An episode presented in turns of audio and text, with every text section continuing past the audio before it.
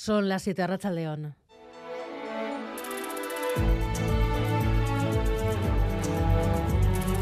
Gambara con Arancha García. Semana decisiva para el grupo Mondragón. El viernes Ulma y Orona dejarán la corporación todo a punto a ello y el grupo anticipa, se anticipa defendiendo el modelo. Esta tarde ha comenzado a enviar un vídeo a todas las cooperativas del grupo. Es esa palanca que nos ayuda a emprender nuevos negocios. Elkartasuna bultzatzen, emondosku aurreko urteetan laguntasuna. Si tuviera que elegir una palabra para definir a Tegui, elegiría la intercooperación. Mondragón es corresponsabilidad. ¿Y por qué no decirlo? Mondragón es orgullo, Mondragón es cultura, el enfrentamiento público es evidente desde hace semanas y esto parece haber evidenciado, parece hacer evidente que el viernes se certificará el divorcio empresarial. De hecho, de nuevo hoy Ulma denuncia ante sus socios las mentiras que se están trasladando, dice, a la opinión pública.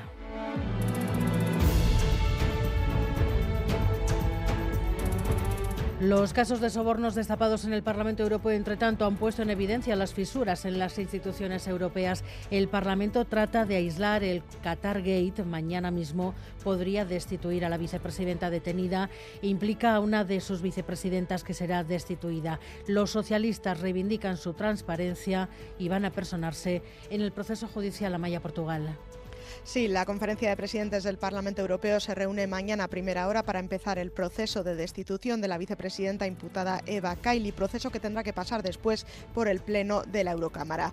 La Eurocámara ha decidido además devolver a la comisión parlamentaria correspondiente la carpeta sobre la liberalización de visados a Qatar que se iba a votar hoy mismo en el Pleno y al que le dieron luz verde en comisión con el voto, entre otros, de la propia Kaili. La presidenta Roberta Metzola dice que no barrerán debajo de la alfombra, ha anunciado que abrirán una investigación interna y que harán las reformas necesarias para tener un control total de quién tiene acceso a la institución más control mm, sobre el acceso a la institución es lo que propone la presidenta del Parlamento Europeo. La Comisión Europea, entre tanto, reclama ya un organismo común que imponga estrictos criterios de transparencia a todas las instituciones. En el Congreso, la noticia hasta ahora es el acuerdo entre PSOE y Esquerra para reformar el delito de malversación que conseguiría rebajar las condenas a los condenados del proceso, pero no a los que cumplan penas por corrupción. Enseguida vamos con los detalles, con la fórmula que va a permitir ambas cosas a la vez. Y en Pamplona, a esta hora, se confirma la ruptura de Navarra Suma.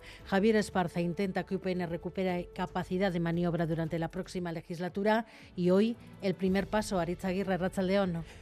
A Rachaldeón, a estas horas, el presidente de UPN, Javier Esparza, comparece junto a todos los miembros de la ejecutiva del partido en su sede para confirmar que se presentarán con sus siglas y solos a las elecciones municipales y forales. UPN en solitario, dice Esparza, porque creen que así obtendrán más apoyo social, se lo dicen las encuestas internas, dice, y más alternativas y opciones para gobernar Navarra y que no mande confirma Esparza, insiste EH Bildu, UPN que cierra las puertas a gobernar, a acordar con este Partido Socialista, pero que recuerda que ya ah, llegaron a acuerdos con otro Partido Socialista, otro PSN, dice Esparza, el que no cruzó las líneas de acordar con EH Bildu. Bueno, pues enseguida escucharemos las declaraciones de Javier Esparza. Tras ese anuncio, UPN concurrirá en solitario a las elecciones de mayo. Y el Endacari sigue liderando la respuesta a la crisis en la OSI Donostia Aldea. Desde el viernes su mensaje está siendo pedir tranquilidad, garantizar la referencialidad del Hospital Donostia. Hoy, en un foro, en un foro del Correo, ha defendido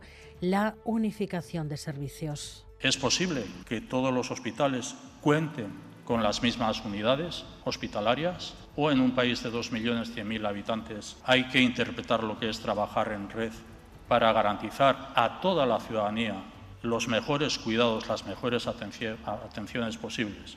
pues esto afecta también a eh, los ámbitos hospitalarios. Y las intensas nevadas en las últimas horas en Reino Unido han obligado a cancelar cerca de un centenar de vuelos. Se han provocado también retrasos en numerosos enlaces, entre ellos con el aeropuerto de Loyu. Los tres vuelos programados para hoy lunes han sufrido retrasos de entre hora, hora y media. El último, el previsto para las 6 y 20 de esta tarde, se ha tenido que retrasar hasta dentro de unos minutos, hasta las 7 y 20. Nevada histórica en Londres. Aquí, en cambio, los pronósticos de cara a mañana nos anuncian viento del sur que va a provocar una subida de las temperaturas hasta 17-18 grados en la costa, 12-13 en el interior. Sin embargo, a partir del mediodía, un frente llegará desde el sur y podría dejar precipitaciones, sobre todo en Álava y el sur de Navarra. Vamos con los deportes. John Zubieta, Rachaldeón. Hola, Rachaldeón. Empezamos con fútbol porque el Alavés buscará desde las 9 de la noche imponerse al Levante en Mendizorroza y así recuperar el liderato ahora en posesión de Leibar.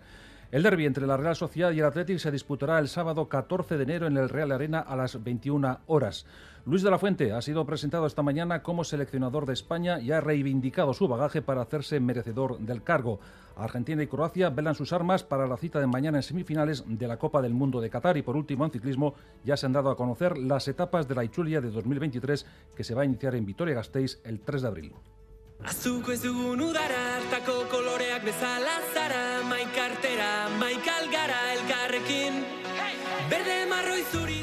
Durango Asoco, ha cerrado con éxito la edición de este año, la número 57. La valoración realizada por Gerediaga El Cartea, la organizadora de esta cita cultural, ha sido positiva. Satisfechos por la cantidad de gente que se ha acercado estos cinco días a la Gonea y, sobre todo, también porque las ventas han respondido. Mailu Odriozola.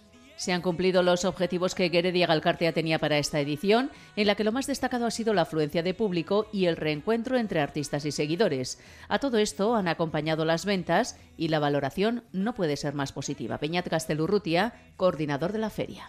Kulturzaleak eh, egunero ibili dira. Badakigu azokara datorren kulturzalea ez dela bizita dizoia. E, Ato esaten genuen kulturzale konstientia dela, badakiela ondo nora datorren, kulturgileak ezagutera datorrela eta kulturgileen lanak etxea eramatera ere bai. Holtzak beteta ikusi ditugu eta salmentak ondo joan dela badakigu. Valoración positiva también por parte de los participantes de la ASOCA. Hemos hablado con Nerea Fillat, miembro de la editorial Catacrack, y con John Basaguren, responsable del sello discográfico Erraya. Zorioneko are izan da, nola baite durangoko azoka, zakoetazkoren artean normal batera bultatzea, ez? Ezanen nuke, ba modu positiboan baloratuko dugula azoka bai. Posi, posi, jende hor bildu da, eta, eta bueno, orkestual izan ditugu gure lan berdiak. A partir de hoy, la iniciativa Gunon Anda llevará las novedades de Durango a más de 130 librerías y ya tenemos fecha para la edición número 58. Se celebrará el año que viene, en 2023, del 6 al 10 de diciembre.